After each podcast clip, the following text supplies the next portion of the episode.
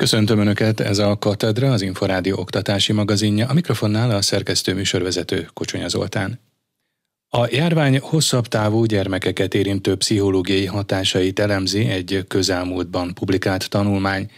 Az MTA által közzétett tanulmány szerint a rendkívüli helyzetben megnövekedtek a meglévő különbségek. Tatár Tíma kérdezte Gyarmat Éva klinikai és nevelés lélektani szakpszichológust, a Kognitív Idegtudományi és Pszichológiai Intézet tudományos főmunkatársát.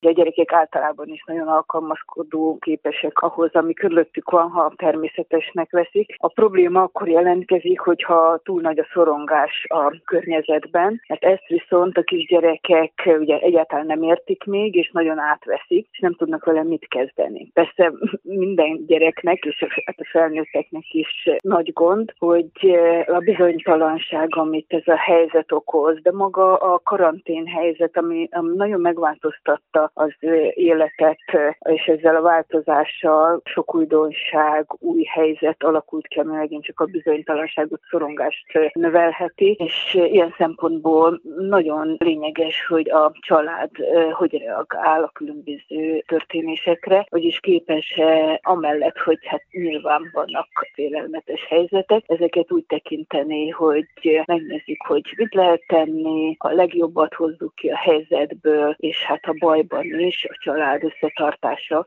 egy nagy erő lehet. A másik a tanulás a gyerekek számára. Általában a fejlesztés és tanulás tekintetében hatalmas nagy különbségek vannak a gyerekek között, hogy hogy élték meg ezt az időszakot. Itt a legnagyobb probléma az éppen iskolába menő gyerekekkel van, akik ugye már tavaly az óvodában esetleg már nem kapták meg a megfelelő utolsó fél éves fejlesztést, ami még sok gyereknek nagyon nagyon szükséges, mert sok az éretlen idegrendszerrel iskolába kerülő gyerek, és még az utolsó időszakban egy óvodai fejlesztés az nagyon jól jön. Ráadásul ősszel is hát kaotikus körülmények voltak az iskolákban, tehát az se működött jól. Most ebben a fél évben, tehát azt lehet mondani, hogy tulajdonképpen a mostan és a tavalyi elsősök is iskolai készség, írásolvasás, számolás elsajátításában nagyon nagy problémákkal küzdenek, és ez már megjelenik most a különböző zavarokkal jelentkezők arányának a növekedésében. Persze nagyon különböző attól függően, hogy a család hogy tudott, a pedagógus hogy tudott a helyzettel megküzdeni, mert vannak, akik jobban tanultak, mint ha iskolába járhattak volna. Itt sem egyértelmű, a környezet megint csak nagyon fontos. A középiskolás korosztályt mely területeken érintette hátrányosan most ez? A középiskolások annak a jellegzetes problémának a megjelenítői, hogy a társas kapcsolatok alig tudtak a szokásos mederben működni, alig tudtak találkozni a gyerekek egymással. Itt különösen azok, akik éppen iskolát váltottak, tehát középiskolába mentek. De egyébként is a tizenéveseknek hatalmas nagy szükségük van arra, hogy a társakkal legyenek, mivel ez az az időszak, amikor minden újra alakul, az idegrendszer átépítésre kerül, agyi hormonváltozás történik, hogy ilyenkor ugye egyrészt ki kéne engedni a gőzt, ezt a feszültséget valamiféle féktelenséggel, mint a kamaszkor. Másrészt viszont pont a társak nagyon jó segítik, hogy azért esetleg kordába tartsa ezeket a különböző impulzusaikat azzal, hogy a különböző helyzetekben tudnak ott lenni, segíteni. Ebben az iskolai közösségek azért még erősebb formálóak. Azáltal, hogy ez egy formális, sokkal inkább egy teljesítményorientált közeg, kicsit már a munkavilág világára való kapcsolatokat is tudják gyakorolni, főleg, hogyha olyan az iskolai közeg, amely például engedi, hogy együtt dolgozzanak a diákok, közös projekteket, probléma megoldásokat végezhessenek. Ezek lehetnek ugye a társas kapcsolatnak nagyon jó építői. Mit lehet tenni, miközben minden ember megküzd ezzel a helyzettel? Hogyan tud mégiscsak segíteni a gyerekeknek? A pedagógusok fejlődtek szerintem a legtöbbet ez alatt az év alatt, mert hogy nem lehetett a régi módokon tanítani, abból csak még nagyobb bajokat lehetett gyártani. Azt gondolom, hogy ez a pedagógus, amelyik képes volt a 21. századi szemléletet felvenni, már akár korábban, akár most, az nagyot segített a a gyerekeknek, ami nem azt jelenti, hogy csak a digitális térben való tanulást segítette, mert az, hogy a digitális térben tanul valaki, és zsonglőre az informatikai digitális eszközöknek, ez még nem a 21. század, hanem sokkal inkább az a, a szemlélet, amelyben partnernek tekinti a diákokat, és adott esetben tudja, hogy vannak olyan helyzetek, ahol a diákok önállóan jobban tudnak tanulni, információkat sokkal jobban tudnak maguk gyűjteni, tehát a tanár képes egy információ átadó szócsőből egy partneré válni, aki a tanulásnak egy ilyen szürke eminenciása, és segíti, hogy a diák haladhasson, akár egyéni módon, egyénre szabottan a különböző helyzetekben, eltérően, és nem egységesen ugyanazt a verset éppen megtanulva, ugyanazokat a matematikai fogalmakat ugyanúgy kapva. A pedagógusnak a szerepváltozása egy alapvető szemléletváltozás, ahol a gyerekek aktívak és nem a pedagógus. Ez már is egy nagyot lépett a felé, a szemlélet felé, amit én úgy hívok, hogy megismerő, fejlesztő szemlélet. Mert amikor a diák tevékenykedik, akkor ha odafigyelünk rá, látjuk, hogy mi az, ami már megy neki, mi az, ahol még további fejlesztésre, tanulásra szorul. És most ebben a helyzetben, tehát jelen pillanatban, amikor már megy a jelenléti oktatás, visszatér az élet mindenhová, most hogyan tudnak egyrészt a családi háttér, a szülők, másrészt a pedagógusok segíteni, hogy meg tudjanak küzdeni a gyerekek ezekkel a hosszú távú COVID hatásokkal? Ami most a legfontosabb lenne, hogy a diákoknak aféle feldolgozási, önsegítő csoportokat tudnának adni. Akár ilyen tevékenység téma szerint végigbeszélhessék a lehetőségeket, amik előttük állnak, a nehézségeket, amik ezek előtt, a irányok, utak előtt tornyosulnak esetleg, és a megoldási lehetőségeket. És egy kicsit egy ilyen moderátori coach szerepet kell a, a pedagógusnak most felvenni. Ne ahogy az legyen, hogy most visszatér ebbe a számon kérjük gyorsan, most még ráöntünk valamit a gyerekekre, mert ez úgysem ér annyit, mint hogyha most egy kiegyensúlyozottabb állapotban mennek neki a nyárnak a gyerekek, és van esély arra, hogy ősszel talán valóban már egy magasabb szinten tudjanak kezdeni valamit. A szülők, a szülők nagyon nehéz helyzetben vannak, azt gondolom, mert hogy egyszerre a munkahelyen is, meg otthon is sok szinten kell helytállni. Nagyon sokat segít, hogy hogyha itt tiszta szabályok vannak. Tehát egyszerűség, tisztaság. És mindig javaslom, hogy érdemes mindig is szüneteket tartani. Nem kell folyton futni az eseményekkel. Néha le kell ülni. Akár egyedül, akár együtt játszani, vagy semmit tenni, vagy sétálni, vagy egy kis szünetet nem kell mindig megfelelni, mert hogy ez építi tulajdonképpen a kapcsolatokat is. Az is egy nagyon lényeges dolog, hogy minél inkább ott legyünk egymás mellett. Mert hogy az, amikor segítünk másik másikaknak, az magunknak is nagyon sokat segít, a jó érzés pedig így többszörös lehet. Számos közösségi élmény kimaradt a diákok életében a pandémia miatti digitális oktatás során. Bagdi Emőke klinikai szakpszichológus is úgy látja, lelkiekben sokat veszítettek az elmúlt tanév során a diákok, de nem csak ők, a pedagógusok és a szülők is. Hangsúlyozza, extrém fáradtsági helyzeteket is hozott a digitális oktatási időszaka. Bagdi Emőke klinikai szakpszichológussal beszélgettem mindenről.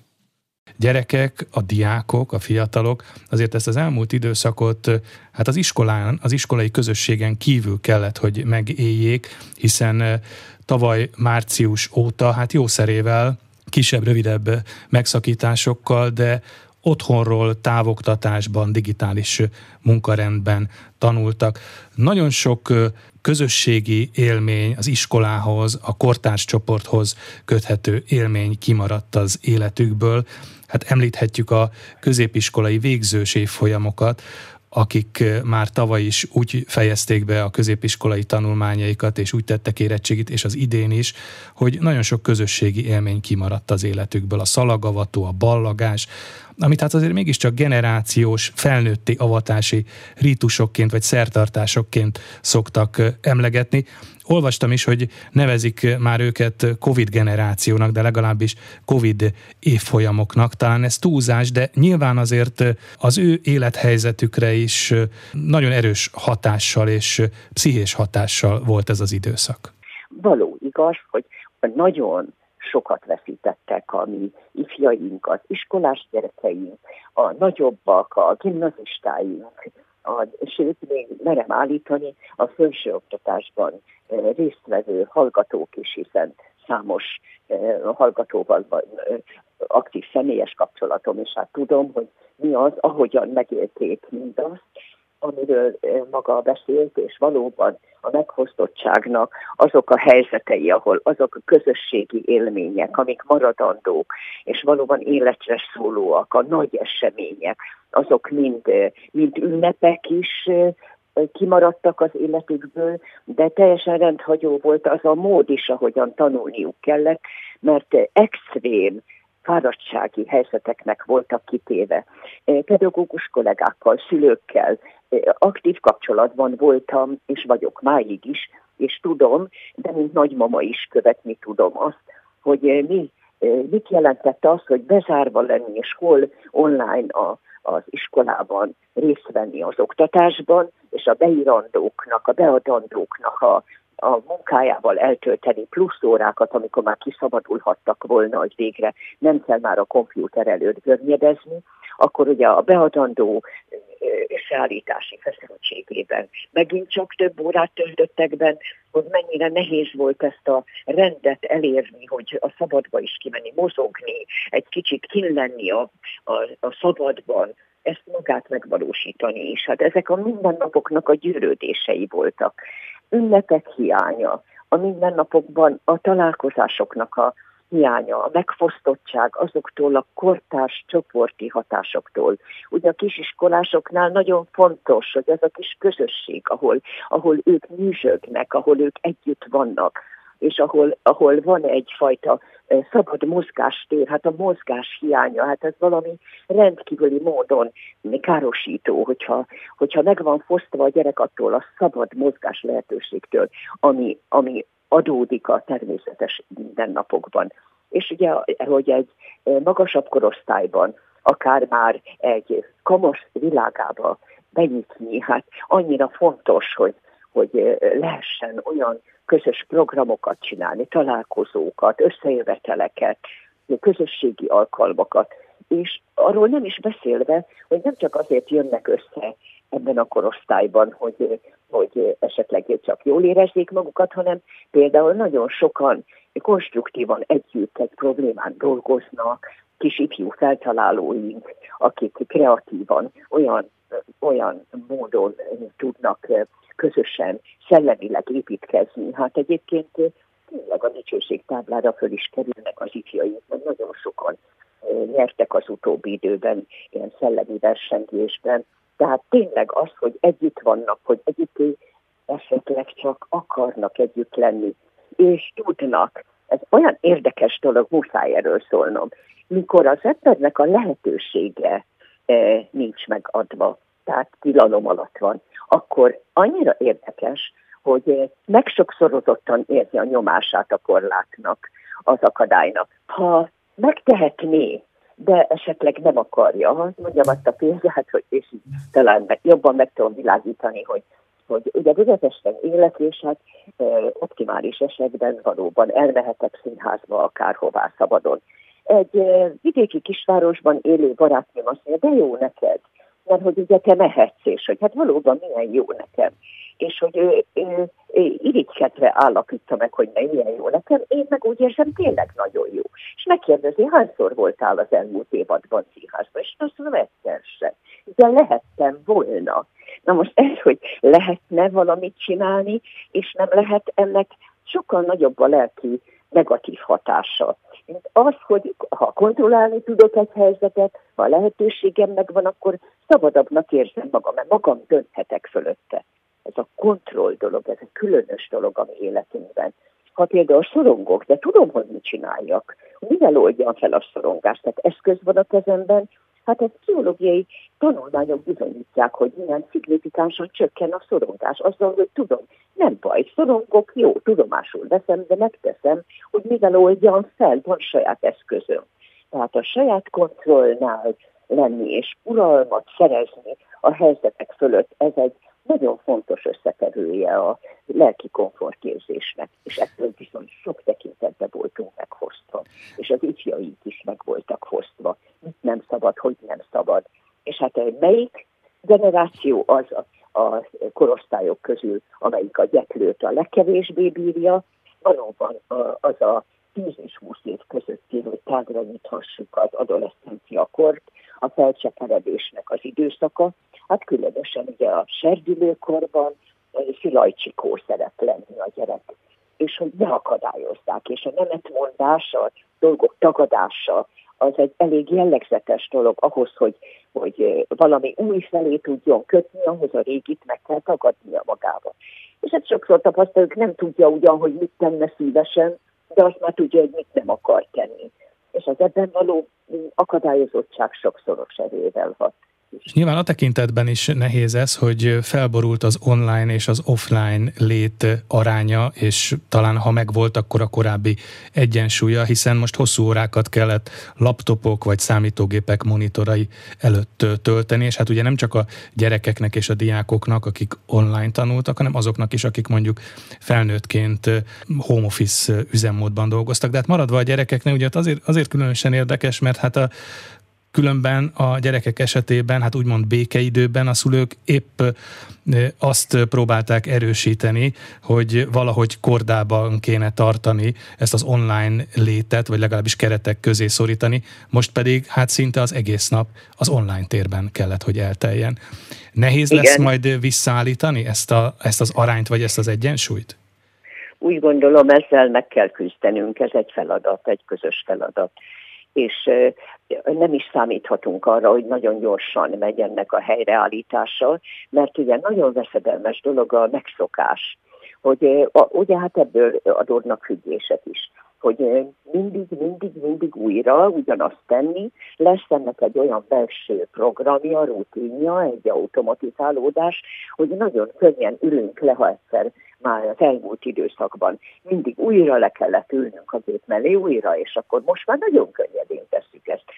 Az otthonról végzett munka nyomán egy olyan fajta lelki lefáradás állapot, a Covid fáradtság állapota következett be, amit a koncentrációs zavarok, a figyelemzavarok, a lelassulás, egy kicsit egy elpuhulás, el, ellustulás, így fogalmaznám összegzően, állapota következett be, tehát a motivációk annyira eh, lefékeződtek, hogy például ilyen remotivációs, eh, újra ébresztő, aktiváló eh, hát belső folyamatokhoz kell folyamodnunk, tehát tényleg ilyen lelki utakkal kell újra motiváció ébresztést és aktivációt elérni, hogy visszataláljunk abba a tempóba, ami a mi saját aktív életünk tempója.